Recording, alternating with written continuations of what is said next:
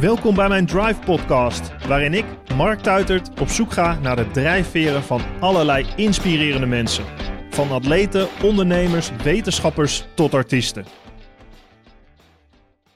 Een confrontatie met de kunst van Andy Warhol veranderde haar leven. Fotografe en algeheel creatieveling Linda Stulic gaat door het leven zonder stappenplan of doel. Ze doet wat ze leuk vindt, maar wil daar wel ontzettend goed in worden. Vele grote namen heeft ze voor haar camera gehad. Wat de vraag opwerpt welke kant ze precies wil laten zien van haar modellen. Over voorbeelden, ambitie, kunst, muziek, onder andere, jawel, Tool, jezelf uiten en de spanning van rock'n'roll. Luister naar en leer van Linda Stulic.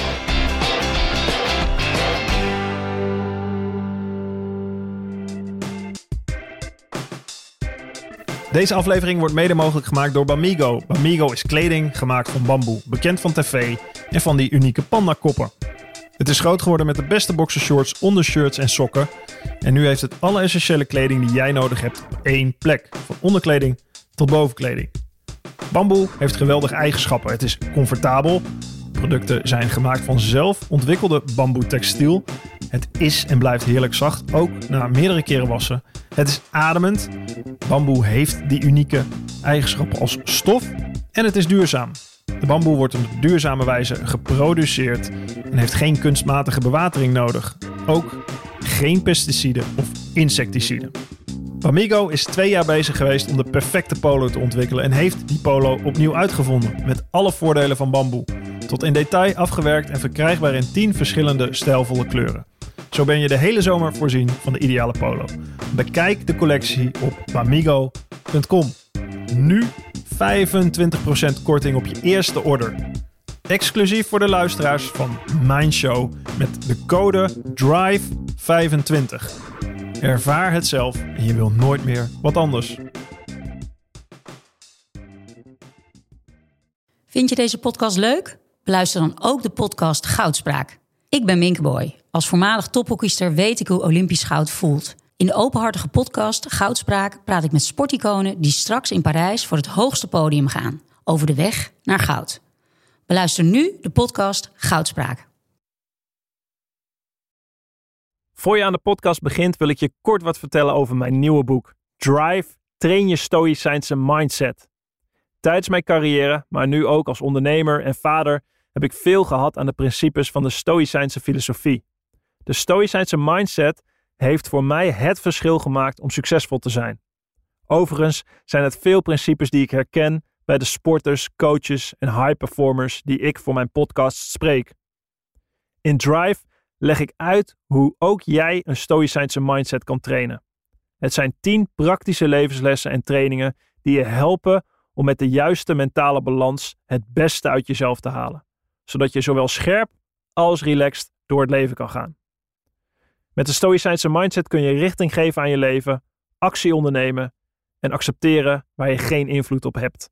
Deze mindset werd al millennia geleden toegepast in alle lagen van de bevolking. En nog steeds is deze mindset essentieel om mentaal sterker te worden. Bestel jouw exemplaar van Drive Train je Stoïcijnse Mindset op marktuitert.nl slash drive of via jouw lokale boekhandel.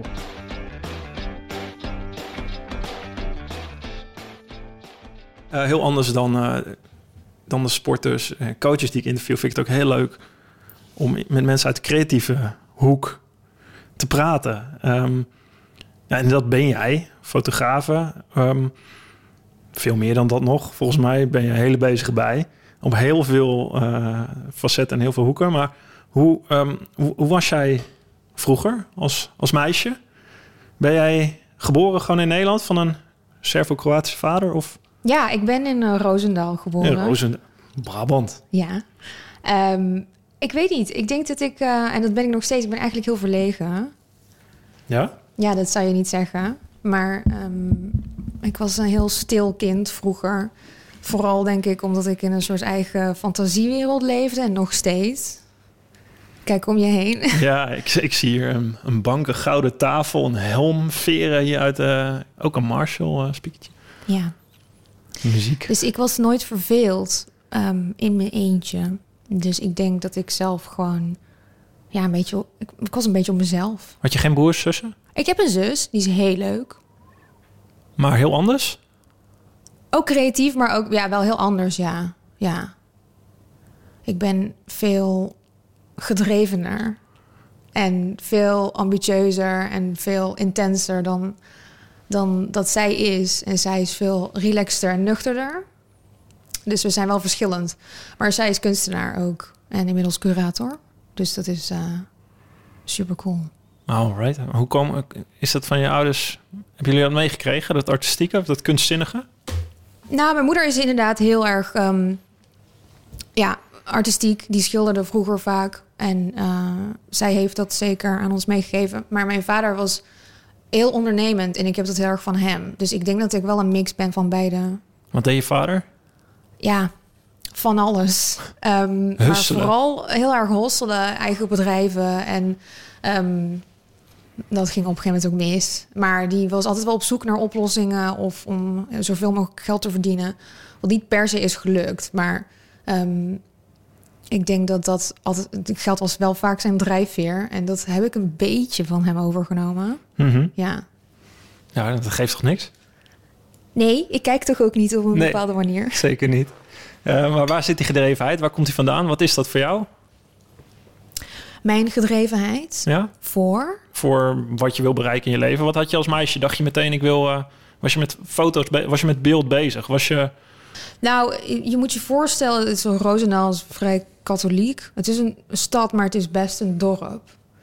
En um, vroeger, vroeger hadden we niet zoveel. Toen hadden we tv en nog geen internet. En toen um, keek Coline, ik... jij bent 30, toch? 31. 31. ik had... Uh, ik ken dial-up internet nog. Oh ja. modem. Precies die. Mm, dus uh, ik was er ook nog voor die tijd, was ik al bewust. en toen uh, keek ik MTV en toen dacht ik, toen zag je MTV Cribs en allemaal films. En toen dacht ik, wow, er is zo'n grote wereld buiten wat ik ja, in mijn omgeving heb. En ik wil dat. Ik had volgens mij vrij snel door dat wij niet zoveel hadden thuis. En dat is ook zo. Dat was ook zo. En um, dat andere kids dat wel hadden. Nou, schets eens die situatie dan. Wat betekent dat? Nou ja, we zijn, ik denk, in de essentie altijd anders geweest omdat we als buitenlander gezien werden. Ik ben wel geboren in Nederland, maar um, ik zat altijd in de klas wel een beetje bij de Turkse en Marokkaanse kindjes, weet je wel, in die hoek. Dus uh, ik dacht wel altijd van, ik wil ook gewoon zoals al die Nederlandse kinderen zijn, wat ik niet ben. Nee, um, alles behalve een typisch Brabants meisje. Ja, denk nou, ik, ja. ik denk als je een soort van kind bent, dan wil je gewoon iets wat. Ja, ik wilde gewoon zo, zo normaal mogelijk erbij zijn. horen. Ja, erbij horen, dat soort dingen. Um, en mijn vader sprak ook met een heel zwaar accent, bijvoorbeeld. En uh, ja, zij waren gewoon. Maar mijn ouders waren gewoon natuurlijk anders. En ik vond dat heel erg uh, irritant. Ik dacht, ik wil gewoon normale vader en moeder. En die had ik niet, voor mijn gevoel. En we hadden gewoon echt ook bijna niks. We hadden best een arm gezin. En um, ik dacht van, ik wil niet dit leven hier in dit dorp. Ik wil ook een MTV Crib zijn. en ik wil gewoon ook al die glamour. En ik was gewoon heel nieuwsgierig naar wat er nog meer was. Wij gingen bijvoorbeeld nooit op vakantie. We gingen altijd naar Servië. Um, in Belgrado hadden mijn ouders een huis. Dus ik heb ook nooit een hele lange tijd iets anders gezien dan Belgrado. Of Kroatië of weet je, dat. Dus ik wilde heel graag uh, gaan reizen en soort van op vakantie. Um, want dat kende ik helemaal niet. Waar wilde je naartoe het liefst? Mm, Londen was denk ik altijd wel in eerste instantie iets wat ik heel leuk vond. Voor de muziek ook. Een hele muzikale stad. En um, ik wilde ook gewoon op vakantie. Dus naar Spanje. Weg zo. hier in ieder geval. Ja. Je wil ja. de ene kant wil je erbij horen, aan de andere kant wil je een soort van die Amerikaanse popcultuur achterna. De MTV. Ja, dat is wat ik heb gezien heel lang. Want er was gewoon verder niet zo heel veel. Ja, we hadden de hitkrant. Maar um, dat zag er allemaal heel spannend uit en heel leuk. En ik dacht, ik wil dit ook. Maar bijvoorbeeld, zeg maar, heel veel kinderen gingen naar een camping in Zuid-Frankrijk op vakantie. En dat, was, dat klonk voor mij echt als een soort paradijs waar ik niet naartoe mocht. En dat, um, dus ja, ik voelde heel snel van, ik heb heel veel niet. Ja. niet dat ik ontevreden was. En ik had op zich een prima jeugd. Maar weet je, op een gegeven moment krijg je dat door. Dat je dat, ja. Ja, je wil gewoon ergens anders heen. Je wil de grote wereld verkennen. Dat, daar zit die drive ergens in dat je denkt, hé, hey, ik ga... En Ik had je ook hier zo het weg. zelfvertrouwen van, ik ga, ik, ik, ga het, ik ga het maken of ik... Dat proef ik ook wel ergens. Of ik ga iets, iets doen. Ja, ik eh, weet nog dat ik een van de eerste keer dat ik naar Amsterdam ging, een dagje Amsterdam. Dat doe je als je in Brabant woont. Ja. Ja. Ja, ja, ik kom uit het oosten van het land. Het Holland. Dat deden wij ook inderdaad. Een Ja. dagje Amsterdam. Dagje Den Haag. Eh, very exciting. Eh, toen zag ik een keer een meisje uit een grachtenpand lopen. En toen dacht ik, ik voelde de vrijheid van de stad. En, en, en het zag er zo cool uit wat zij deed. En toen dacht ik, dit wil ik ook. Ik voelde gewoon heel erg dat Amsterdam een plek was waar het allemaal gebeurde en waar ik moest zijn. Dus ik had heel snel al door van ik moet weg uit Brabant. En ik moet in ieder geval naar de grootste stad die hier is. Want daar is veel meer mogelijk. En ehm, dat heb ik uiteindelijk allemaal gedaan. Ehm, maar het was niet makkelijk. Hoe dan? Hoe, hoe ben je hier beland? In Amsterdam? Nou, ik ehm, was volgens mij, ja, dit is heel gek gelopen, maar eh, ik was soort van op de middelbare school heel erg annoyed. Altijd. Ik vond het niet per se. Ja, Of- en ook vond het ook niet per se heel leuk, want ik had gewoon zo'n zin om het soort van leven te ontdekken. En ik vond leren niet per se heel erg leuk. En ehm, ik had op een gegeven moment in een soort kunstklas eh, hadden we, kregen we kunstgeschiedenis. En daar was ik helemaal verslaafd aan. Dat vond ik fantastisch. Oh ja? En want het was zo visueel en het was zo visueel prikkelend. En toen voelde ik, denk ik, voor het eerst in mijn leven een soort dat ik me kon identificeren met een kunstenaar. Dat ik dacht van, oh, zij denken dus ook zo. Of ehm, zij zijn misschien ook zo geweest als wat ik in mijn hoofd heb, weet je wel. Maar wat was het dan van kunstgeschiedenis? Vind ik wel fascinerend. Want ik had, ik weet ook, wij kregen zo'n multimapje van, dat was dan kunstgeschiedenis. En ik dacht, wat moet je? ja, Ik ben een sporter, ik was met sport bezig, met hele andere dromen. Wat moet je hiermee? Wat heb je hier aan? Dacht ik echt. Ja, en bij Waarom mij moet ik dit dus- leren? Ik snap het. Bij mij ging dus alles aan. Ik dacht, oh, ik eindelijk andere gekkies die misschien ook een beetje zijn zoals ik. Want ik voelde me heel eenzaam in mijn nou, eigenzinnigheid of in mijn fantasieën of in, in de ja, wereld waar ik soort van in leefde zelf. Het was een soort escape uit realiteit. Dat ik dacht, als ik nou een wereld creëer, soort van die helemaal is zoals ik wil. eh, en dat, dat komt voor, ja, voort uit het referentiekader wat ik had, wat gewoon MTV was, basically. dus dat was je wilde gewoon- wel een wereld creëren zoals MTV. Ja, dat was, het. enige wat ik soort van... tekenfilms, cartoons en zo bijvoorbeeld. Ehm, Hoe zag jouw visie er toen uit dan? Dacht je, wat, wat wilde je creëren? Had je al een beeld als je beeldend denkt? Nou, ik ehm, vond dat niet per se, maar eh, we gingen bijvoorbeeld dan schilderen en zo. Dat vond ik superleuk. Ik vond kunstklas heel erg leuk. En daar, daar voelde ik gewoon de energie stromen. En toen dacht ik, dit is iets, hier ga ik op aan. En eh, toen ben ik op mijn zestiende naar de Andy Warhol eh, tentoonstelling geweest in Amsterdam. De allergrootste die er was in de wereld op dat moment. En toen zag ik de Campbell's Soep. Het, pon- naast pannetje soep, ja. Ja, naast elkaar hangen. Al die zeefdrukken. En toen begon ik gewoon te huilen. En toen was ik 16 en ik had echt ook hoofdpijn toen ik daar wegging. Dat heeft zo iets in mij geopend. Het is heel gek, want Ja. ehm, ik was laatst eh, drie maanden geleden in New York. En toen hingen precies die soeplikken daar weer. En toen ging ik daar naartoe, toen moest ik weer huilen. Eh, dat raakte mij gewoon enorm. Ah, het was toch zo, eigenlijk bedoeld eh, als een soort anti-kunst ook bijna, toch? Of een soort... Ja, zeker. Dus inderdaad, los van de bedoeling, raak, wat mij raakte was dat er iemand was die gewoon visueel dingen vertaalde. En ik, ik kende niemand. Ik had geen voorbeeld. Ik wist niet dat die mensen bestonden. Mijn ouders luisterden nooit muziek. We gingen nooit naar musea. Ehm, ik keek alleen tv. Dus voor mij was het, toen ik dat zag, dacht ik: wauw, dit is, dit is het. Dit wil ik. Dit, ra- dit opende mij gewoon totaal. Toen je 16 was. Ja, Grappig. Ja, ik heb ook zo rond die leeftijd, 16, 17, toen ik echt professionele schaatsers zag, hoe die trainen, wat die deden. Daar- klikte bij mij ook iets. Ik dacht, nou, dit, dit moet ik gaan doen.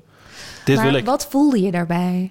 Ehm, een hele sterke drang om daar heel goed in te worden. Ja? Echt? Ja, echt wel een, ja, echt een soort punt van... oké, dit, ik wil dit niet alleen gaan doen. Ik wil hier ook alles aan doen om hier heel goed in te worden. Ik wil dit ook. Ik wil zo hard over het ijs kunnen schieten... met mijn eigen spierkracht. Dus je werd er heel competitief van. Ja, nou, het was nog niet eens dat ik meteen dacht... ik wil ehm, een gouden medaille winnen. Dat, dat dacht ik ook zeker wel ergens. Maar ook meer van, wow, hoe machtig moet het zijn... om zo hard, met 60 km per uur gingen ze bijna... over het ijs te schieten. Dat, dat wil ik gewoon kunnen. Ik wil dat echt kunnen. Ik wil niet... En ik wil niet alleen... Ik zag ook hoe zij trainen. Dat was niet zeg maar gewoon... Nou, ik ga leuk trainen. Het was gewoon met totale overgave. Dat was met zo'n focus waarop met name Otne Sunderal, dat was mijn voorbeeld uh, qua schaatser, een Noor. Hoe hij trainde op het ijs, met wat voor blik, met wat voor intensiteit hij trainde. Dat sprak me heel erg aan. Ik dacht, nou, dit, als ik op het ijs sta, dan wil ik die intensiteit hebben. Niet een beetje zo vlieren fluit om me heen kijken, maar in de zone. Heb je het idee dat je zijn energie oppikte of voelde? Zeker, ja. ja. En toen ging je daarop aan? Ja, absoluut. Ja, ja, ik zag het ook. Daarna zag ik hem vaak op tv. Ik zag hem niet altijd schaatsen natuurlijk. Maar dat, daar keek ik altijd naar. Dat vond ik zo krachtig, zo uh, indrukwekkend. Dus hij was eigenlijk jouw Andy? Ja, een beetje wel. Ja, ja het is ook een beetje kunstenaar op het ijs. Nee, maar ik maar later, later, weet je, met ook kunst, muziek. Volgens mij hebben we ook redelijk uh, overlap in muzieksmaak als ik je een klein beetje volg. Maar de, gaan het zo nog over hebben. De, de, de, de, de intensiteit van ook in kunst, ook in muziek, ook in sport, is heel veel overlap. Ik wist, ik wist bij gods naam niet wat ik met kunstgeschiedenis aan moest als vak. Maar nu ik verder ben in mijn leven, ik, ik kan heel erg genieten van, nou, van wat jij doet of van wat van überhaupt kunstenaars, muzikanten, creatieve mensen doen. Ik uh, weet dat inmiddels veel beter te waarderen. Dat wist ik toen al, was voornamelijk muziek, maar in allerlei vormen. Dus terug naar jou. Um, wat, wat was het moment dat toen jij dat zag hè, met ja, jou en Andy Warhol? Wat, wat was jouw eerste reactie daarna? Wat, wat veranderde er toen in je leven? Alles. Heel dramatisch. Alles. Het was een bewijs dat ik niet alleen was. En dat had ik nodig op dat moment. Om te voelen dat het oké was wat ik wilde. En ik denk, uh, het grappige is wat jij even refererend aan wat je net zei. Um, is dat ik nu ook denk dat iedereen, niet iedereen is kunstenaar, maar een kunstenaar is niet per se iemand die schildert. Het is eigenlijk een artist. Dat ben jij ook. Want je uit jezelf op een manier. Bij, bij mij is het visueel. Ik wilde heel lang muzikant worden ook. Maar daar was ik niet zo goed in. Wat wilde je worden? Wat, wat wilde je spelen? Nou, ik, heb, ik heb vroeger drumles gehad. Oh. Maar toen was ik acht. En toen heb ik een drumdiploma gehaald. En toen dacht ik, ik wil in een band. Maar die ambitie had ik alleen. Uh, die had dus geen band, waar je zegt. Dat, ja, dus dan kun je drummen in een schuurtje, maar dat, dan houdt het wel een beetje op. Misschien moeten we ooit samen nog eens een keer een band beginnen. Want ik wilde eigenlijk ook... Ik denk wel eens, als ik nu muzikant was geweest... dan had ik nog mijn instrument zo kunnen bespelen als Jimmy Page. Dat kan van Led Zeppelin. En oh, nu... ja. ik, ik kon schaatsen, maar het stelt niet zo heel veel meer voor nu, zeg maar. Dat kan je tot in de lengte der dagen doen. Dat verleer je nooit. Ja, dus dat, um, dat is een goed idee. Let's do it. Mm. Een two-man band. Interessant wat eruit komt. Alla de White Stripes. Ja, zou kunnen. Mac was inderdaad een drummer. Ja, ja. ja. al ben ik wel ook, wil ik ook een beetje shinen. En dat mm. kan niet achter een drumstel. Ah, kijk, kijk. Ja, dat geef ik meteen toe. Heel. Maar uh, ik vond het, uh, ja, ik vond muziek maken heel leuk. En op de computer had je ook allemaal muziekprogramma's. En mm. Maar dat, ik weet het niet. Um, ik denk dat een foto maken was voor mij veel sneller. Het was veel sneller bevredigend, want dat proces was korter. Dus uh, ik had op een gegeven moment een soort kunstklas ding. ik ging foto's maken en toen voelde ik van wow, dit is super gaaf. En toen heb ik zelf een cameraatje gekocht. En toen ging ik gewoon foto's maken van van alles en nog wat. En toen was ik volgens mij 14 of 15. Toen voelde ik wel van dit is leuk ik wil dit. En toen um, ben ik, kreeg ik een, een spiegelreflex van mijn opa. En toen had ik heel snel, kwam ik bij het Brabants Nieuwsblad terecht. Ben de stem. Toen kreeg ik daar een fotocolumn. Toen was ik 16. Oh, oh hoezo? Heb, ja, ik had heb je geschreven? Ja, ja, ik ben het zeggen, je wel, ja. Ja, een uh, kunstdocent van mij zei, je moet het even regelen, want hier zit iets. Die zag iets in oh, mij. die zag, ja. Ja, dus toen zei- kreeg ik een fotocolumn. Elke zaterdag mocht ik een beeld eh, publiceren van het leven op de middelbare school. Dus kreeg ik 25 euro per foto, Mark. Dat is veel als je 16 Echt bent. serieus. Ik hoefde geen rondjes in de- te plukken en dat soort dingen. Ja, dus eh 100 euro per, per maand kreeg ik. Mhm. Wauw. Ehm, en ik mocht ook naar Lowlands voor ze en dat soort dingen. Dus dat, Oeh. ik merkte al heel snel dat de camera een tool was... wat mij op plekken bracht waar Ja. ik normaal niet zou komen. Dus eh, zo ben ik ja, naar de fotoacademie gegaan, Amsterdam. En toen eh, zo, ja, ben ik eigenlijk uiteindelijk hier terechtgekomen... om je, op je vraag terug te komen van een tijdje terug. Ja, ja. Nee, hier ben je terechtgekomen. Na de, en Ja. toen eigenlijk, hè, dan studeer je af aan de fotoacademie. En Ja. Ben je dan, dan ga je de, de wijde wereld in. Dan moet het echt gebeuren. Dan, die camera brengt je dan overal. Maar wat is dan, ben je dan klaar? Wil je dan een, een droom na? Of heb je een soort einddoel? Want volgens mij ben je ontzettend ambitieus. Als ik je zo hoor en je Ja. wil shinen. Wat, wat, eh, dan, wat is dan wat je zegt tegen jezelf? Kom maar op. Nou, ik dacht meer van er is niks anders wat ik kan. Ik moet dit nu gaan doen. Ik heb fotografie gestudeerd. Ik, heb, ik ben analoog ook geschoold. Dus ik weet wat een foto is. En ik beheers de techniek helemaal. En licht en al die dingen. Ik heb met allerlei camera's gewerkt. Dus ik ben in principe een vakfotograaf. Ja, Het is een ambacht. Het is echt iets waar je kilometers voor moet maken. En ehm, nu schiet ik veel digitaal, maar ik, ik dacht wel van, ik kan dit zo goed. Dit moet ik nu gaan doen, want er is echt geen andere optie in mijn leven dan dat ik dit ga doen. Ik bedoel, ik kan niet gaan drummen, soort van. nee, Daar was ik niet echt, zo eh, heel goed in. Je bent echt een soldaat. Je bent het strand op met, met je boot en eh, de boten achter je zijn verbrand. En je, moet, je kan maar één richting op. Je kan alleen het land op. En dit is wat je moet gaan doen. Ja, zo'n enorme focus, net zoals wat jij had. Het is wel ook had. fijn ook, toch? Ja, het is gewoon heel duidelijk. Ja. Ja. Maar is Dus- het ook angst? eh, eh, Heeft het ook een bepaalde onzekerheid en angst met zich mee? Dat als je bij jezelf bedenkt, ja, als, als het niet lukt, wat heb ik dan? Ja, dat was ook niet echt een optie. Ik denk dat jij dat wel herkent. Ik bedoel, tuurlijk, het kan niet lukken, maar daar denk je niet echt over na. Je denkt, dit ga ik nu doen en dit is het. En ik ga het helemaal rocken. Dus ik had wel een soort zelfvertrouwen. Maar ook omdat ik natuurlijk uit best een arm gezin kom. En ik ook moest werken, want anders dan had ik geen eten. Dus ik heb niet een vangnet, nog steeds niet, van ouders die een zak geld geven... of dat je je eerste huis kan kopen of dat soort dingen. Dat heb ik allemaal niet. Dus ik, ik moet het helemaal zelf doen. Ik moet zelf overleven. Dus dat zat er ook voor een groot gedeelte achter. Ja. Ja, Je hebt echt een mes op je keel ja. van al die dingen. Maar eigenlijk, als ik je goed begrijp, dan dat, dat heeft je nooit ehm, in, in twijfel gebracht. Of dat, deed je, dat heeft je nooit zo onzeker gemaakt dat je dacht, help. Het was meer een focus van, ik moet dit gaan doen en ik ga dit gewoon doen. Ja, maar ook omdat het zo leuk was. Ik vond het Ja. ook echt heel erg leuk. En ik denk dat je als ja, kunstenaar, artist... ehm, net als jij, je wil je soort van uiten. Het is een soort... bijna een soort ritueel of zo... dat je jezelf moet uiten op die manier. En je dus ook daardoor verbindt aan andere mensen. Mhm. Weet je, dat is in topsport ook zo. Mhm. Met muziek, met kunst, sport. Dat is allemaal een beetje heel erg ja, hetzelfde. Ja, ik, eh, rondje schaatsen, dat is behoorlijk hetzelfde. En dat is ook aan de ene kant best wel in die zin egocentrisch. Je hebt natuurlijk wel, als je iemand voor een camera moet krijgen, daar, ja, dan moet je ook eens, dan moet je, je, je als je helemaal geen sociale skills hebt en maar een hele goede fotograaf bent, dan kom je ook nog nergens, denk ik, toch? Dat is ook zo. Dat is ook zo. Maar wat bijvoorbeeld jij doet, als je op zo'n niveau. ehm, voor, weet je, je brengt zoveel mensen bij elkaar. En Mhm. het is ook een soort heel primair ding. Met z'n allen naar sport kijken. ja. maar dit is zo. Je brengt mensen bij elkaar. Het is een emotionele uitlaatklep voor heel veel mensen. Ja, Ja. voor jou, maar ook. Nee, daardoor, voor die mensen ook. Door zeker. jou heen ervaren andere mensen dat natuurlijk ook. Dat is heel bijzonder. Ja, ik heb dat op kleinere schaal. Is bij mij meer één op één. Hoe Ehm, werkt dat? Wat wil je weten?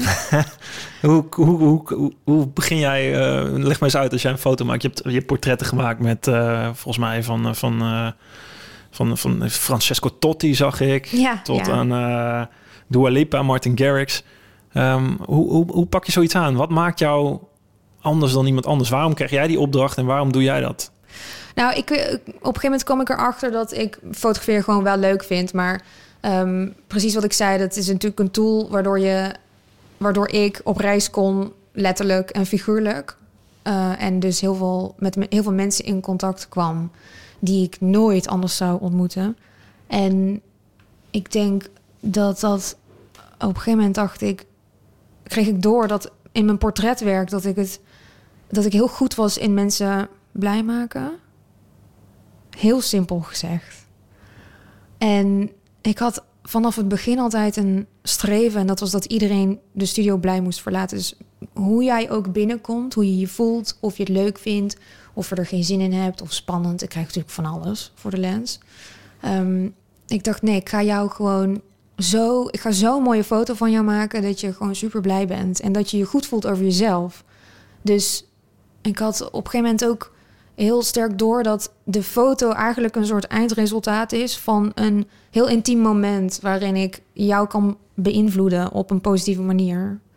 Dus de foto is bijna secundair tegenwoordig aan wat ik doe. Ja, ja, ik snap hem. Eigenlijk is dat ja, de, de weg. Ja, het is een heel cliché dat de weg belangrijk Als je die goed aflegt, dan is het doel. Als je op, op, op dat knopje drukken is natuurlijk niet het moeilijkste. Nee, dat kan in principe iedereen. Een camera instellen kunnen denk ik heel veel mensen. Maar iets uit iemand krijgen wat je. Maar probeer je iets. Weet je wat je uit iemand wil krijgen van tevoren? Nee, dat ligt heel erg eh, eh, aan de persoon zelf. Ik fotografeer natuurlijk veel mensen in, uit de media... en die we allemaal op een bepaalde manier kennen, bijvoorbeeld. Of waar heel veel zelfde soort foto's van worden gemaakt. Ik vind het Mhm. altijd leuk om dan iets anders te doen... zodat je verrast wordt. Dat is ook wel een groot deel van mijn werk. Ehm, en dan, ja, dan... Het gaat... Ja, ik weet niet. Hoe moet ik het uitleggen? Spilling the secret of my work. Ehm, het is gewoon... Ja, het ligt heel erg aan hoe jij binnenkomt. Ik kan je lezen en dan kan ik je... Weet ik wat ik moet doen inmiddels? En dan komen de trucjes naar boven. Eh, of hoe ik je moet vastpakken. Dat Mhm. helpt ook. Wat lichaamstaal betekent. Ehm, zodat jij op een gegeven moment relaxed bent. Hm. Dus Nou, Oké, dus bij de ene sla je, pak je hem even bij zijn arm, of bij de andere sla je arm om iemand Ja. heen. Of, hoezo zeg jij sla tegen twee, Oh, keer? ik bedoel niks. Vrouwen en mannen is ook weer heel anders, denk ik. Ja, dat is wel anders. Wat zijn jouw beste foto's? Waar ben je het meest trots op? Mm, mijn persoonlijke werk. Dat is het meest challenging. Dat is iets wat in mijn hoofd zit, wat ik wil uitvoeren. Dat moet ik helemaal zelf doen. Want als ik door een blad word gebeld en zij zeggen... wij willen een foto van Mark Duitert op de cover... Hm. dat is voor mij een soort, ja... ik weet niet, net als dat jij een rondje gaat schaatsen voor Ja. lol. Of zo, denk Ja, ik. ja. ja. Dat is niet zo moeilijk. Ik, kan, ik weet heel snel van... oké, als ik dit en dit doe qua licht of techniek... Dan, en, en als ik jou zo neerzet... Ja, Dan, wordt het altijd wel wordt goed. het altijd goed. Ja. Ja. Ehm, dus ik vind het veel leuker om, als ik dan inderdaad een beeld heb van iets of iemand, om die persoon dan zo neer te zetten. Daar ben ik het meest trots op als dat lukt. Hm. Ja. Heb jij... eh, heb je ooit concertfotografie gedaan of met muzikanten? Zeker weten. Ja. Toen ik 16 was. Toen je 16 was? 17, 18. Ik heb met een band getoerd, ook door Nederland. Toen was ik 16. Had ik gelogen dat ik 19 was. Dat was echt niet oké. Ja, maar er zit wel iets, iets. Er zit heel veel van rock en roll in jou ergens. Ik zie het daar ook aan de foto's. Er zit, er zit spanning in, er zit een beetje afzetten. En er zit, er zit rock en roll in. Spreek me aan, vind ik mooi. Maar wat, dat dus... Vertel eens over die verhalen. Heb je... Wat, wat, Ehm, wat je mag vertellen natuurlijk. niet of mijn moeder luistert. maar ehm, nou ja, verhalen. Ik moet je zeggen, kijk, ik ging veel voor de krant naar Lowlands en dat vond ik echt super gaaf. Maar eh, ik was ook heel goed in concertfotografie. Alleen, ja, dat is, Waarom? gewoon, dat is gewoon lollig om te doen. Dat is verder niet heel spectaculair. Waarom? Omdat ik heel erg anders keek. Ik, ik registreerde niet wat er gebeurde, maar ik ging op zoek naar wat is er mogelijk met deze lichtshow. Ehm, binnen drie nummers. De eerste drie nummers mag je in die frontstage fotograferen Hm. op, bij concerten en ehm, festivals. En ik was gewoon op zoek naar ja, iets anders. Een ander soort beeld, een silhouet. Had ik een keer gemaakt van Pharrell Williams. Met heel veel licht achter bijvoorbeeld. Dat vond ik dan veel mooier dan dat hij met een microfoon staat of zo. Hm. Wat je veel ziet. En maar weet je dan al dat je dat... Is dat in het moment dat je dat ja, dat is echt op, op het moment zelf. Ja. En dat heeft me ook wel, denk ik, leren improviseren. Want je, dit is het gegeven en hier moet je het maar mee doen. Ja. En je hebt een korte tijd. Dus zoek het maar uit. Dus dat is heel snel schakelen en denken, snelle verbindingen maken in je hersenen, denk Mhm. ik, om een goed beeld te schieten. Want ik heb, eh, ik stuurde je die foto van tevoren nog. Dat ja, Anton Corbijn kennen we natuurlijk allemaal, beroemde fotograaf eh, van heel veel beroemde namen in de muziekindustrie. En hij maakte een foto die van Ian Curtis, de zanger van eh, Joy Division, die zelfmoord pleegde op zijn 23ste.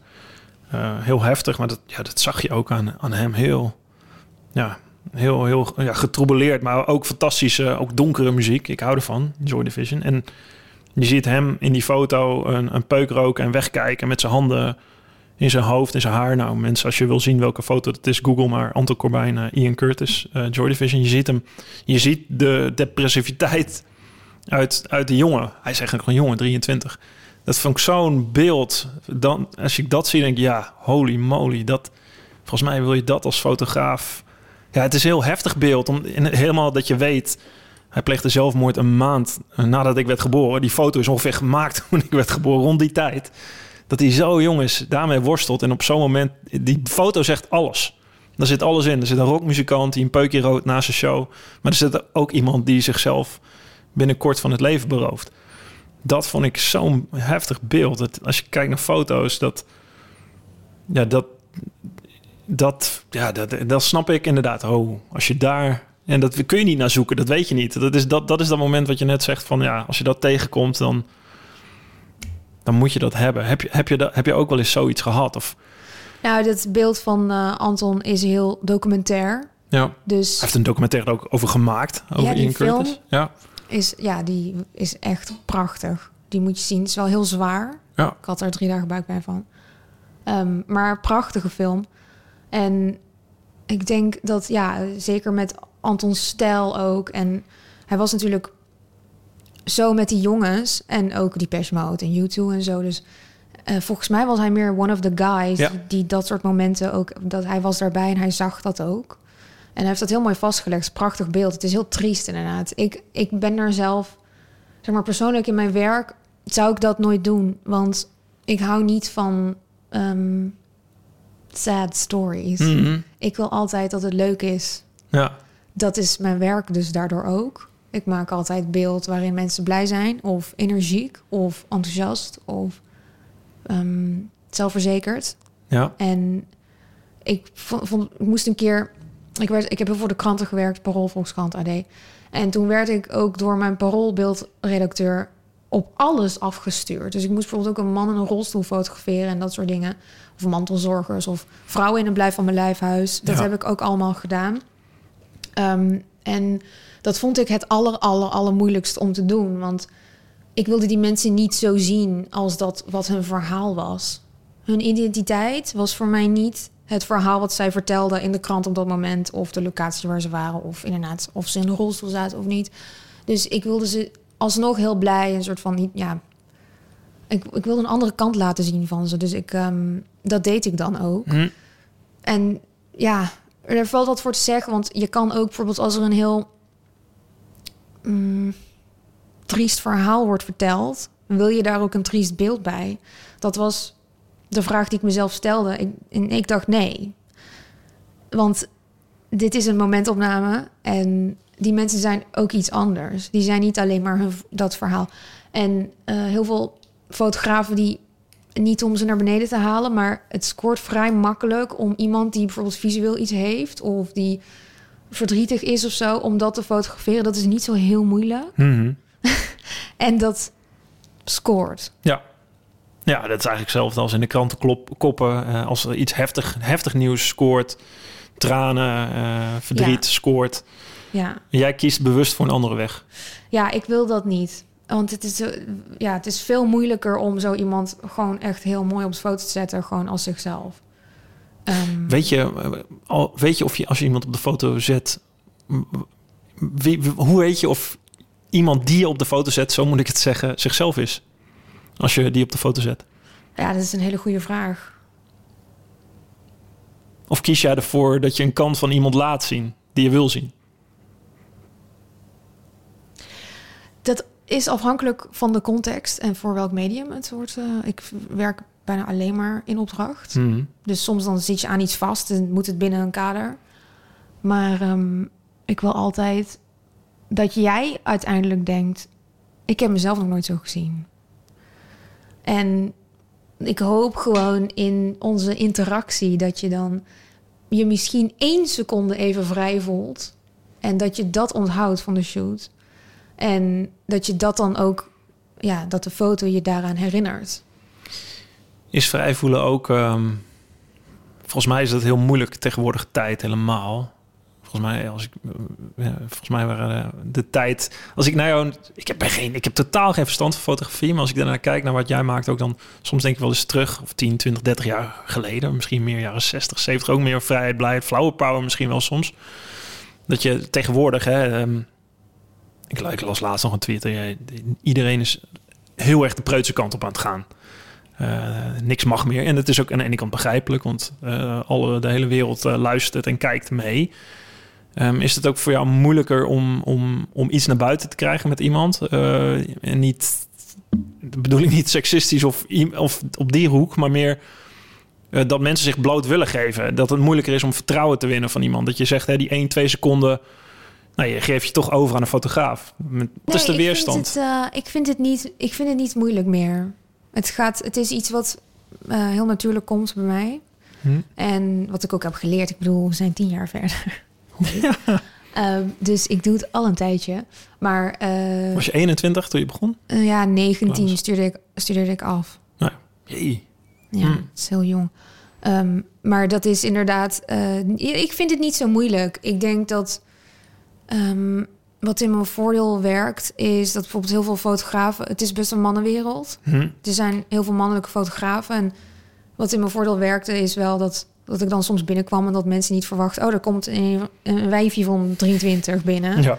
Eh, met Die gek, weet wat ze wil. wit haar en soort van die gewoon een leuke tijd wil hebben. Hmm. Dus heel veel mensen zijn, zeggen altijd tegen mij van, oh, ik haat het om op de foto te gaan. En ik zeg dan geen, ik maak je geen zorgen. Ik wil gewoon een mooie foto maken. Dit is iets wat we samen gaan doen. En ik denk dat ehm, het begrip wat ik heb voor de persoon tegenover mij, dat dat eh, heel veel, in ieder geval, ja, mensen doet ontspannen Hm. op een bepaalde manier. Ik vind het zelf niet zo moeilijk. Soms zijn mensen wel heel moeilijk en dan moet ik echt, dan moet ik echt door eh, muren heen werken. En soms heb ik er ook helemaal geen zin in. Maar ja, sommige zijn makkelijker dan andere. Maar wat betekent het dan door muren heen werken? Nou, dat mensen heel erg ehm, een idee hebben van hoe ze op de foto moeten. Dat moeten Nou ze ja. soms loslaten. Hm. Een Dit is mijn pose goede kans. Ja, of een manier of zelf ook heel erg eh, weten van of, of ja, bepalen hoe het beeld wordt. Hm. En dat is ook oké, want dat respecteer ik. Eh, soms zijn mensen heel nerveus. Dat, dat vind ik het heel allermoeilijkst. Want dan zitten ze in een soort staat van zijn waar ik eigenlijk niet zoveel aan kan doen. Want het is heel fysiek, is dat. ja, dan eh, helpt een, een, een, arm op de schouder of een hand op de schouder. Ook de pan. heb ik een voorraadje van liggen. Doe ik in de koffie. Eerst nokken je hout in. Ja, precies. ja. Ehm, nee, dan, nou ja, dat, dan, dan heeft het even een tijdje nodig. Of bijvoorbeeld, een, dan weet ik, ik moet nu alleen maar even tien minuten lang foto's maken waar ik niks mee ga doen. Zodat die persoon even kan wennen aan de situatie. Dus ehm, eigenlijk is mijn werk helemaal ingesteld op iedereen zich zo comfortabel mogelijk te laten voelen. En iedereen heeft wat anders nodig. Ja. En dan krijg jij de mooiste foto. Ik denk dat jij het ook spannend vindt. Ja, ergens, ja. Nou, ik, ik, ik, om even, ik, zou, ik vind het wel, ik vind op de foto gaan niet zo spannend, maar echt jezelf laten zien, ergens op, ja, het, ja, het blijft iets geks. Een foto, een momentopname, een, Het is ook heel gek. ja. Ik denk dat jij, als ik je zo een beetje kan lezen, dat je, ik bedoel, je bent het gewend. Ja. Je gaat vaker op de foto, je weet een beetje hoe het gaat. Maar je hebt er geen controle over. Nee. Ik denk dat je dat moeilijk vindt. Ja, oh zeker. dat heb je goed. Ik ja. zou mezelf ook niet laten fotograferen door iedereen. Dat moet je ook gewoon niet doen. Nee, nee dat, dat klopt. Nee, nou ja, je hebt natuurlijk soms vragen en dat heb je ook niet altijd voor het zeggen. Maar nee, ik doe heel veel dingen ook niet. Ik zet heel veel dingen, zeg ik af. Ehm, en ja, het is ook. Ik kan me voorstellen dat je, hè, als je heel een hele grote artiest bent, eh, dat je op een gegeven moment... Ik kan me heel goed voorstellen om weer terug te komen bij Anton Corbijn... dat je een soort vriend bijna nodig hebt. Dat je gewoon iemand nodig hebt die je helemaal volledig vertrouwt... en die, waarvan je weet, die laat iets van mij zien... Ook al is het in een minder moment of in een uh, depressief moment of in een halleluja moment. Maar ja, dit ben ik. Zwa. Dit heeft iemand op de foto gezet. Die wil daar niks mee. Die wil alleen... Natuurlijk zoekt hij een heel mooi beeld. Maar dat je achteraf kan zeggen... Ja, dit is ook fucking een heel mooi beeld. En daar hoef je niet altijd mooi op te staan. Het kan ook heel lelijk zijn en nog heel mooi zijn. En dat, ja, en in die connectie, en dat daarom, misschien wil ik dat, is dan, als je in een band zit natuurlijk en je toert, ja, dan als je in je bouwt het op met iemand, dan kan ik me heel erg voorstellen dat dat, dat, dat kan, dat het op die manier werkt. Maar als, uh, als je hier zou zitten en de Stones zouden bijvoorbeeld voorbij komen, dan moet je dat eerst opbouwen, denk ik, met een band en daar naartoe gaan. En dat, dat is weer een heel, ja, om daar te komen lijkt me dat heel moeilijk, toch? Als je, ja. ik, ik zeg het omdat ik weet dat jij dicht bij de Stones bent uh, geweest ook. Um, die natuurlijk door iedereen gefotografeerd zijn. Uh, misschien een begin voor creëren, maar dat het heel moeilijk is om heel dichtbij te komen bij, bij zo'n band of bij artiesten. Dat dat meer het probleem is dan, of het probleem, dat is meer de uitdaging dat je het vertrouwen wint van iemand. Ja, en je moet je ook voorstellen dat mensen zoals de Stones het ook niet nodig hebben. Nee. Nee. Nee, nee, precies. Dus eigenlijk, eigenlijk dat, dat bedoel ik eigenlijk als je gevraagd wordt ook. Je, je moet, als je zo goed bent en zoveel ook controle hebt, dus wat je zelf wil doen in je leven, dan is een, een mooie foto. Ja, dan kun je honderd fotografen, fotografen of fotografen hebben. Ja. Eigenlijk wil je gewoon iemand hebben die, die een vriend is bijna. Of, of misschien nog niet eens een echte vriend, maar wel een vertrouweling. Waarvan je weet, dit komt er helemaal uit. Ja, dat heeft Anton goed gedaan met Joy Division. Ja. Het is ook belangrijk dat hij dit heeft gedaan, ja. Ja. Ik denk dat dit soort verhalen ook van Ian Curtis, dat moet gewoon ook verteld worden. Daar is fotografie ook voor. we hebben echt fotografie nodig in de wereld om, omdat verhalen altijd verteld moeten worden. En dit zijn momenten die zijn geweest, maar als hij er niet was, dan wisten we dit niet bijvoorbeeld. Of dan had hij die film niet kunnen maken en dat verhaal niet kunnen vertellen van Ian Curtis, wat natuurlijk heel mooi is en ook triest, maar inspirerend. En ja. Wat is jouw rol als fotograaf? Um, can you be more specific? Nou, je zei net, ik wil, eh, jij, jij wil het mooie, denk ik, aan iemand naar boven halen of lol hebben en daar iets moois mee doen. Zeg maar, is, is, wat wil jij laten zien? Als, wat is het verhaal wat jij wil vertellen? Wat is jouw uiteindelijke drive? Wat, wat jij, waarom is fotografie van jou zo belangrijk? Waarom? Nou ja, dat heeft me overal gebracht. En het heeft me veel gebracht. En ik vind het een heel mooi vak. Daarom is het, het is echt mijn passie. Het is alles wat ik ben. Ik ben beeldmaker. Ik kan ook niks anders, denk ik altijd. Dus daarom is dit heel belangrijk voor mij. Want het is een vorm die ik heb gevonden die werkt. Die best wel instantly satisfying is. Want je maakt een foto. Maar het is belangrijk voor jou ook, volgens mij, als je ambitieus bent, dat heel veel mensen het mooi vinden of het belangrijk vinden of dat het een bepaalde functie heeft. Toch? Ja, ja, dus ik vind het heel leuk inderdaad om mensen te verrassen. En dat ze als ze naar mijn werk kijken, uh, even uit een moment zijn. Of in, uit, ja, hoe wil je het noemen? Uit een dagelijkse ding. Dat ze naar een beeld kijken en denken, oh, oké, verrast, verrast. Ja, maar dat is, dat is toch best wel belangrijk. Dit had ik twintig jaar geleden waarschijnlijk niet gezegd als topsporter. Maar dat is wel heel... Hetzelfde als je naar een nummer luistert, muziek... of dat, je naar een beeld kijkt. Dat je even eruit, ergens uitkomt en denkt... wauw, wow, gaaf of leuk of cool. Ja. Of sexy, of uh, mooi, of lelijk. Of dat je even denkt, wauw. Dat je dat... Dat jij dat kan moment, laten zien. Ja, dat een moment, een beeld, een finale, een nummer... je moed kan veranderen. Ja. Dat is eigenlijk iets heel groots. Waar we nooit echt over nadenken. Dat nee, het is, heel, mooi. het is een heel klein moment, maar het kan heel groot zijn, ja. ja. Kun je je voorstellen als je je slecht voelt... en dat je dan je favoriete nummer luistert... en dan voel je je beter... Ja, oh, dat heb ik heel erg. Ik heb, ik heb bepaalde nummers. Ik train veel op, op Tool, uh, band die heel veel, heel veel repeteren. Een hele goede drummer ook hebben die trouwens, Danny Carey. Maar dat is, dan zit ik gewoon in een trance als ik daar naar luister bijna. Dan is het zo, woe, dan ga je zo in mee. Dan moet ook niemand me storen. Dan, dan zit ik er helemaal in. Dat is zo fijn is dat. Interessant dat jij op Tool traint. Ja, Ik, ben, ik, ben, ik, ben, ik heb zeg maar allemaal bands die ik super vet vind. En daarboven staat Tool, zeg maar, bij mij. Denk je dat het ook helpt dat zij best wel mysterieus zijn in alles? Dat je dan, dat word je een beetje meegenomen in die sfeer van geen foto's maken Ja, tijdens concerten, geen opnames. Het is een heel intiem moment als je bij hun show bent. ja, ja, dat maakt, ja, zeker maakt het uit. Ze hebben, eh, eh, toen ze, eh welke was het, 10.000 Days uitbrachten, hadden ze al heel lang geen muziek meer gemaakt. Ehm, ik had een kaartje voor een concert in Hamburg, waar ik naar heen ben gegaan, heen en terug in mijn eentje. Ik dacht, ik moet daarheen, anders mis ik het. En ik wist niet dat de volgende plaat 16, eh, 15 of 16 jaar later pas weer uit zou komen. Eh, ik ben er nu twee keer geweest. Ja, gewoon de nummers zijn afwijkend. Je hebt, ja, je hebt een radio-edit van drie, vier minuten. Normaal op een nummer, nummer van Tool is zo'n 12 minuten. Er zit een hele opbouw in qua drums met, met zulke ritmeverschillen. En het is niet gedaan om een nummer te vullen.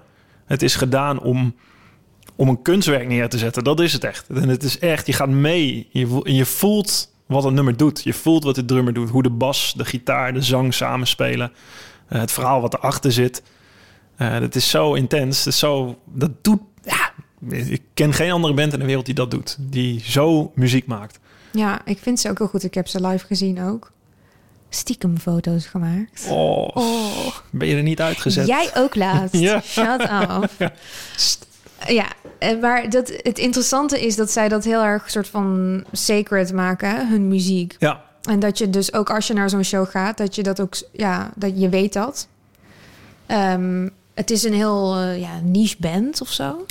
Ja. Het is best Ja, een ook weer niet. Je hebt, je hebt, ik, ik, was, ik was in Italië op vakantie en er was een wakeboardschool. En dat gaat een heel andere kant op dit verhaal, maar let op. en die gast die had eh, allemaal grunge muziek op staan. Begin jaren 90, vind ik geweldig. Soundgarden, eh, Stone Temple Pilots, Nirvana, alle. Ik zo, eh, dude, wat heb je vette muziek op staan? Echt complimenten, lekker. En hij zegt tegen mij, ja, het is allemaal heel goed, maar er is maar één band die hier bovenuit stijgt. Ik zo, gewoon uit het niks. Hè? Ik zo, huh? Oh, oké, wel- welke dan? Hij zo, Tool. Ik zo, wat? ik zei, nou, we kunnen elkaar de hand schudden. En ik liet hem foto's zien. Hij had gehoorbeschadiging, dus hij kon niet naar een concert. Dus ik liet hem foto's zien van een concert waar ik dus een paar weken geleden geweest was van Tool. Dus hij ging helemaal uit zijn plaat. Dus dat maar is... wat heerlijk, want het is eigenlijk wat zij dus heel erg benadrukken. Het is heel tribal een band leuk vinden. Dat is het. Ja. Het is echt tribe. Dus jij vindt in Ja, die connectie heb je met iemand. Van, ja, guy, ik vind, ik vind ja. dat wat jij leuk vindt ook, wat jij ook eigenlijk zelf zei, hè, van ik, dat je niemand vindt die zo denkt of Ja. voelt zoals jij doet. En dat vind je dan samen in misschien ja, kunst of foto's of op een andere manier van denken. En ik, eh, ik, ja, ik kan meteen eh, met zo'n gast eh, koffie drinken, zeg maar. Dat, is, dat klikt. Ja, dat is heel mooi. Dat is echt fantastisch. Ja. Heel tribal. Interessant dat je dat als mens ook een beetje drijft.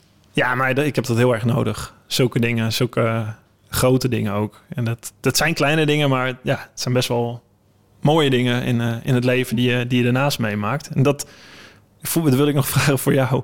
Zeg maar, wat is die, eh, eh, als je verder gaat, hè, je bent nu 31, ehm, wat, wat is van die grote droom geworden? Als je nu kijkt, of misschien moet die nog waar worden gemaakt. Als je, als je jezelf als meisje naar MTV Crib zag kijken, die hele popcultuur, dat zit volgens mij ook wel heel erg in jouw werk. Hè? De, de, de glamour, de, het is een beetje rock and roll, glamour. De, de, het- je laat jezelf zien, daar niet bang voor zijn. Vind ik ook mooi gedurfd. Waar, waar eindigt dat? Wat, wat is die grote droom? Waar Niet. zit die ambitie? Dat eindigt nergens. Nergens. Heb je geen einddoel waarvan je denkt als ik hier ben? alleen maar door. Nou, wat ik heel graag, wat een enorme ambitie is voor mij, is wel om een keer een tour te doen met een band. Ja. Dat lijkt me echt heel erg vet. En die Leibovitz heeft dus ehm, voor Rolling Stone heeft ze de Rolling Stones gevolgd. Een hele beroemde portretfotograaf. hè? Ja, fantastisch, eh, fantastisch werk was dat. Heel bekend ook. En toen ik dat zag, dacht ik ook, oh, dit wil ik. Ik wil dit ook. Met welke Lijkt band? me heel erg leuk. Ja, oh my god, nou zeg je wat. Ehm, wel echt een grote band. Het lijkt me heel leuk om met de Chili Peppers te werken. Oh Die ja. vind ik heel leuk. Ik ben altijd stiekem heel verliefd geweest op Anthony Kiedis. Nog steeds. Ehm, ik heb Vlies een boek gelezen. Dat vond ik helemaal waanzinnig. Ik, ik, snapt, ik snapte nu ook veel beter wie hij is, was en waarom zij zo zijn. Eh, lijken mij hele interessante types om mee te werken. Ook moeilijk. Ik vind de Gorillas heel leuk ook. Daar ben ik echt enorm fan van. Damien Albarn. Ja. Eh, ook omdat zij cartoons waren. Toen Ja. was ik tien toen dat uitkwam. De mensen die de Grills niet kennen, die, die, die waren niet zichtbaar op een podium, maar echt alleen in een tekenfilm eigenlijk. Hè? Ook de clips. Ja, ja, dus dat vond ik zo ontzettend gaaf. Ze hadden geen identiteit. Het was Hmm. geen band die je kon, ehm, waar je idolaat van kon zijn, want je wist niet wie ze waren toen.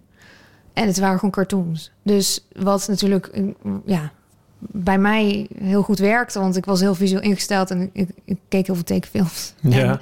Ik vond die muziek heel leuk, dus dat was voor mij, daar, daar ben ik gewoon, dat is mijn tribe of zo. Ehm, Wat zou je van hun willen laten zien? Of van de Chili Peppers? nou, Als ik, fotograaf ehm, of videomaker? ik denk dat een tour meemaken heel gaaf is. Dat je dus echt de drie dagen hier en dan door. Het is volgens mij heel heftig, maar daarom, om dat in beeld eh, te vertalen lijkt me heel interessant en ook moeilijk. Want als je bijvoorbeeld het hebt over de foto's van de Stones vroeger, dat was allemaal best wel rauw en ruig. En die backstages, dat is nu allemaal niet meer. Ik bedoel, zij zitten in vijfsterren hotels. En Alles wordt voor ze geregeld. Als ze bellen van ik wil een wit casinobrood met grilled chicken, dan wordt het bij de Albert Heijn gehaald. meer. Ja, dus dat rock'n'roll is er een beetje af. Wat natuurlijk niet uitmaakt.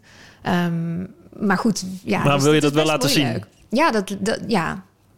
Ja, maar waarom niet? Waarom niet Anthony Kiedis in een soort van gouden badjas in een vijfsterrenhotel? Ja, precies. In een spa. Ja, dat zou je ook... Wood. Ja. Ja. Ja, Waarom je- niet? Nee, ja, zeker. Dat past heel erg bij jou, zou ik zeggen, als ik je zo hoor.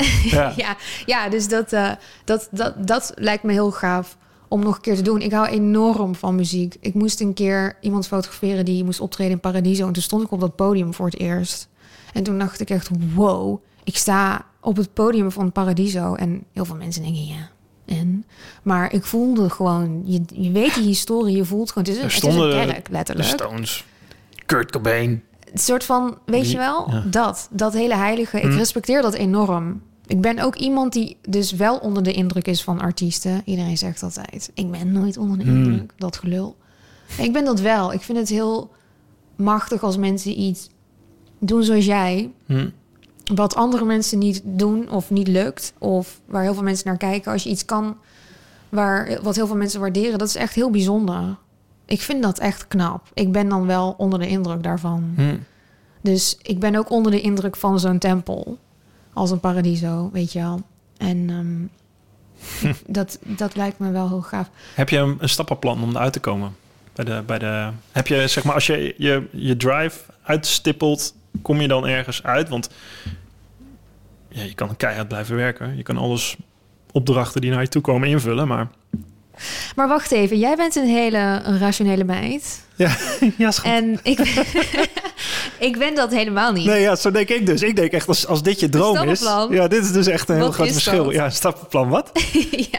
Ik, ik ben meer, ja, ik ga zeg maar, oké, we gaan een gouden medaille winnen of ik, ik wil een band spelen of ik Ja, zou, maar oké, ik ik, ga daar uitkomen en dan moet ik daar naartoe komen of ik, eh, Nee, maar oké, dus top, top, topsport, dat eh, behoeft een andere structuur dan bijvoorbeeld mijn dromen. ja, Want jij weet gewoon, er is een soort pad wat je moet bewandelen. ja, precies. Ik heb een einddoel met een eindpunt Ja. in een, ja, het is heel duidelijk. Ja, dus je weet, die momenten kan Hmm. ik dat gaan doen. Dat is denk ik anders, want ik heb dat niet zo. Ehm, ook omdat inderdaad mijn werk gaat over gunfactor, of je mensen kent, dat soort dingen. En ik heb geen stappenplan. Ik doe gewoon wat ik leuk vind. Dat klinkt ook best wel als een goed stappenplan. Dus ik heb een hele sterke intuïtie die altijd in mijn voordeel werkt. Hm. Eh, als ik daarnaar luister, tenminste. Dus ik, kom, ik ben best brutaal. Ik heb best ook veel lef. Dus ik vraag ook. En ik lever ook. Ik ben wel heel professioneel. Dus Hm. ik lever altijd netjes alles. Maar eh, ik denk doordat ik zelf zo'n enthousiasme heb... en het zo graag wil, dat mensen dat voelen en denken... oké, tof om mee te werken. En dat is eigenlijk mijn stappenplan. Ja, vanuit daar komen weer Ja, dus- andere dingen. Ja, dus dat komt wel op mijn pad, denk ik dan. Dus eigenlijk is jouw manier van werken en dat hè, iemand naar zijn zin laten voelen, die kant ook de, de toffe, leuke, vrolijke kant te laten zien. Eigenlijk is dat jouw manier om dat in beeld te vangen. En als je dat in beeld vangt, dat, eh, dat is echt wat jouw werk is. En daarmee creëer je iets wat blijkbaar eh, ja, succesvol is. Want heel, ja, heel veel mensen die, die, die, die komen weer bij je, die komen die vertellen erover. Die beelden die spreken voor zichzelf. En die komen dan. Die, die wereld wordt groter en groter. En die sneeuwbal wordt ik groter. hè? wil niet dat jij dit helemaal uitlegt. Ja, ja. dit ja. is heel mysterieus. Ja, ja, ja, nee, het ongetwijfeld heel mysterieus. Maar ik probeer het. Ik probeer, zo werk ik. Dit werkt bij mijn hoofd zo. Het is wel grappig om. Om met iemand. Dat soms ook werkt het tegen me. Hè? Dat is ook wel eens dat je denkt van oké, ik, ik heb een doel en ik werk zo, zo, zo, zo, zo daar naartoe. En ik weet ook, tuurlijk weet ik, hè, dat, daarom hou ik van Tool. Ik vaar mee op de golf van de muziek. Ja. En ik sta uit. Of ik ben daar juist niet mee bezig. Of ik zit in een trance en ik ben wel iets aan het doen, maar dan ga ik helemaal in op. En dan is dat, dat is mijn worsteling af en toe. Dat ik zo doelgericht ben dat ik dat soms ook los moet laten. En juist daardoor denk van, nou, het gebeurt wel. Maar dat doe ik eigenlijk ook. Hè. Ik kijk niet naar luistercijfers voor deze podcast. Ik vind het gewoon super tof om te sparren met andere mensen. En uit interesse iemand anders te bevragen waar hun eh, zijn of haar drijfveren zitten. En daar komen ook weer allemaal andere dingen uit. Krijg je ook weer reacties van mensen. Oh, dit was een tof gesprek, dat, leuk, et cetera. Of eh, iemand heeft het gehoord die je daarna weer kan gaan interviewen. Dus eigenlijk werk ik ook wel een beetje zo, maar het is een soort Ja, tweestrijd. ik kan het zeggen, volgens mij sta jij heel erg in contact met je gevoel en weet je echt wel wat goed voor je is. Zeker, zeker. Ja. Maar je bent een control freak. Ja. Ja, ik herken ja. dat. Ja, denk ik het wel. zie je. Mhm. Ik ben er ook een. Zijn alle gedreven mensen dan niet op een of andere manier? Um, weet ik niet. Ik denk ook dat heel veel mensen heel relaxed zijn. Dat snap ik niet. ja. Je zus misschien. Je zegt, jij bent veel Ja. meer gedreven. Ik heb ook twee broertjes. Ik heb mijn jongste broertje, die denk ik ook van, hè? Maar die is super relaxed. Is zo leuk. Ik bel hem en dan ga je erheen en dan lekker eten. En dan, weet je, en die snapt mij weer helemaal niet op dat vlak. En ik denk ook van hem, hè, wat doe je nou? Chill en rustig. Moet je hier niet naartoe of moet je dat nog niet doen? Maar ja, dat ben ik. Weet je, en ik vind het super relaxed ook dat hij zo is. Eh, alleen dat is niet. eh, hè, ik heb, ik, hoe meer mensen ik in een topsportwereld ben ik eerder normaal. Ik heb dat is mijn Siri. hey, hou je mond. In de topsportwereld is het vrij normaal dat je zo alleen doelgericht bent en dat je ergens naartoe gaat. Alleen als ik kijk hoe ik ben in vergelijking met normaal, ben ik meer de uitzondering, denk ik. Which is fine. Helemaal fijn, absoluut. Ik denk wel dat eh, wat bij gedrevenheid komt kijken in ons geval en de control freak in ons wordt ook gedreven door perfectionisme. Mhm. En dat is niet per se heel gezond, maar extreem perfectionisme. En dat, ja, dat heb jij helemaal tot op de milliseconde. Ik had het met schaatsen wel, moet ik zeggen. Maar ik heb het in het gewone leven wel iets minder. Ik heb echt Ja? Ja, ik ben niet, ik ben niet heel detailistisch. Ik ben wel, ik hou echt. Hè, ik heb een, nou met jou. Ik zit, ik doe letterlijk, steek mijn hand twee meter de lucht in, of twee. Dat is een beetje overdreven, zo lang is mijn hand niet, een meter. Maar ik, ik schets vergezichten, strategieën, plannen. En ik heb wel mensen om me heen nodig die echt, echt de achterkant bewaken, of de details, of de, de kleine dingetjes. Interesting. Ja. Ja, ik heb wel dat ik extreem perfectionistisch was in mijn werk en Mhm. het heel serieus nam, Hm. maar dat dat doorwerkte in alles. Dus dan moest alles perfect zijn. Maar stomme dingen ook. Zoals? Weet je wel? Nou, zo, ja, wat jij net zegt, als je dan naar eh, familie gaat, je gaat lekker eten en dat soort dingen. Als ik dat zou hosten, dan moest dat ook perfect zijn. Oh ja. Snap je? Mhm. Dat je alles heel serieus neemt, dat heb ik nu niet meer. Maar dat was wel ook een onderdeel van mijn gedrevenheid. Dat ik daardoor steeds beter, meer, beter wilde weten wat en hoe. Betere foto's, Mhm. weet je wel? Maar ja, leef je het Dus- leven wat je wil leven. Ja, inmiddels wel. Dat heeft heel lang geduurd. Ja? Ja. Ja, ik, Wat was het allermoeilijkste? Nou, ik denk dat wat heel veel mensen zeggen, dat hun doel is om gelukkig te zijn, dat heb ik niet. Ik wil vrij zijn en gezond. Maar vooral vrij. En in mijn hoofd, maar ook zeg maar als mens. Vrij als met niemand rekening hoeven te houden? Nou, nee, dat niet, dat niet zozeer. Want ik hecht me heel graag aan heel veel leuke mensen. Maar Mhm. Ehm, vrij om zonder schuldgevoel of schaamte of andere overtuigingen me voor te bewegen in het leven. Hm.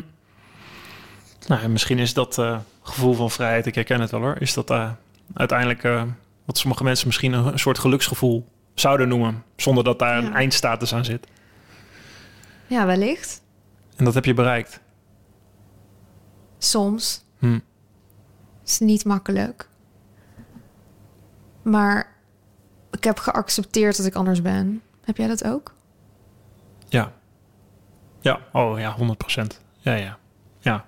Ik, ja. ik ga mijn eigen weg en ik weet dat sommige mensen dat niet begrijpen. Wanneer gebeurde dat? Heb je even? Ehm, nou, om in het kort. ehm, nou, ik heb heel erg als topsporter moeten leren natuurlijk om, om, om die weg naar zo'n medaille of naar zo'n wedstrijd toe, om daar alles voor op te zeggen.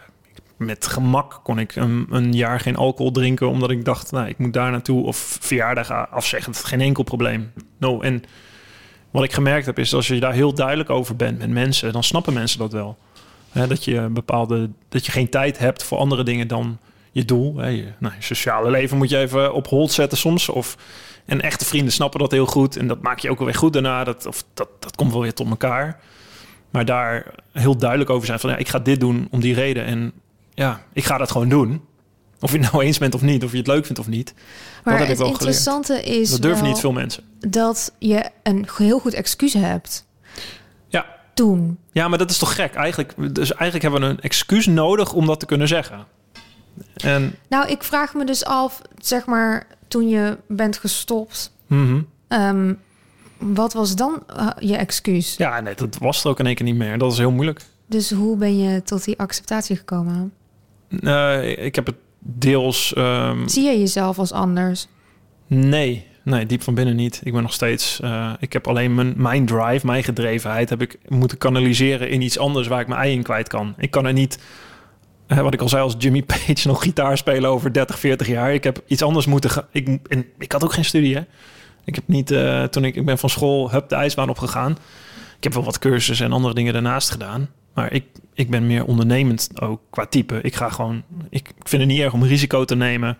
Ik vind het niet erg. Ik wil alles behalve zeg maar in een stramien leven en eh, daarin vastzitten. Dus in die zin ben ik ook. Ik ben heel autonoom. Ik wil het zelf kunnen bepalen. En de mensen waarmee ik werk en waarvan ik hou en mijn familie, die, die kennen mij al heel lang en die begrijpen mij en vice versa. Ik, heb ook mensen nodig die anders zijn dan ik ben. Anders wordt het ook een zootje.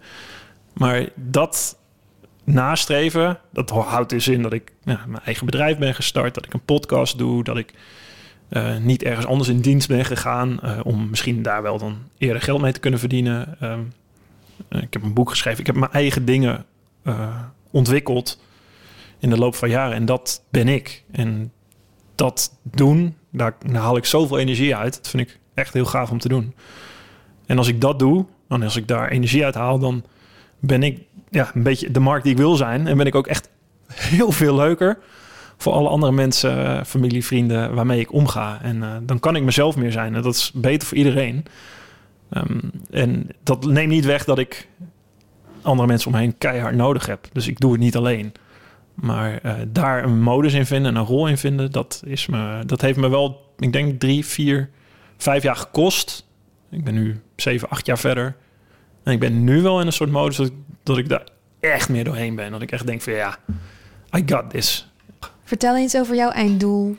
Mijn einddoel, ehm, dat heb ik niet.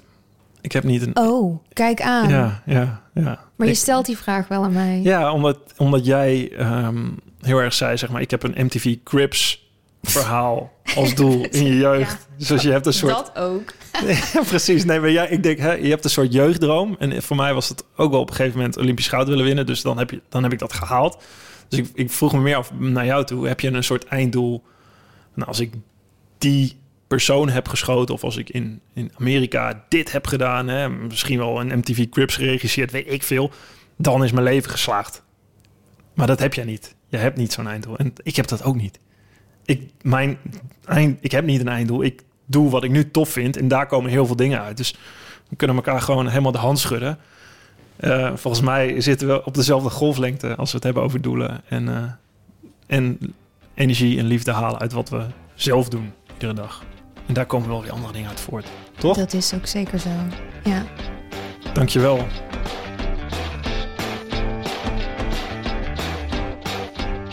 Dank voor het luisteren naar mijn Drive podcast. Je vindt mijn aflevering op Spotify, iTunes, YouTube en mijn website marktuitert.nl. Laat me weten wat je van mijn podcast vindt en deel dat via Instagram, Twitter, LinkedIn of Facebook. Heb je suggesties voor gasten? Stuur me dan een DM via die kanalen. Tot de volgende Drive podcast. Goed, Mark.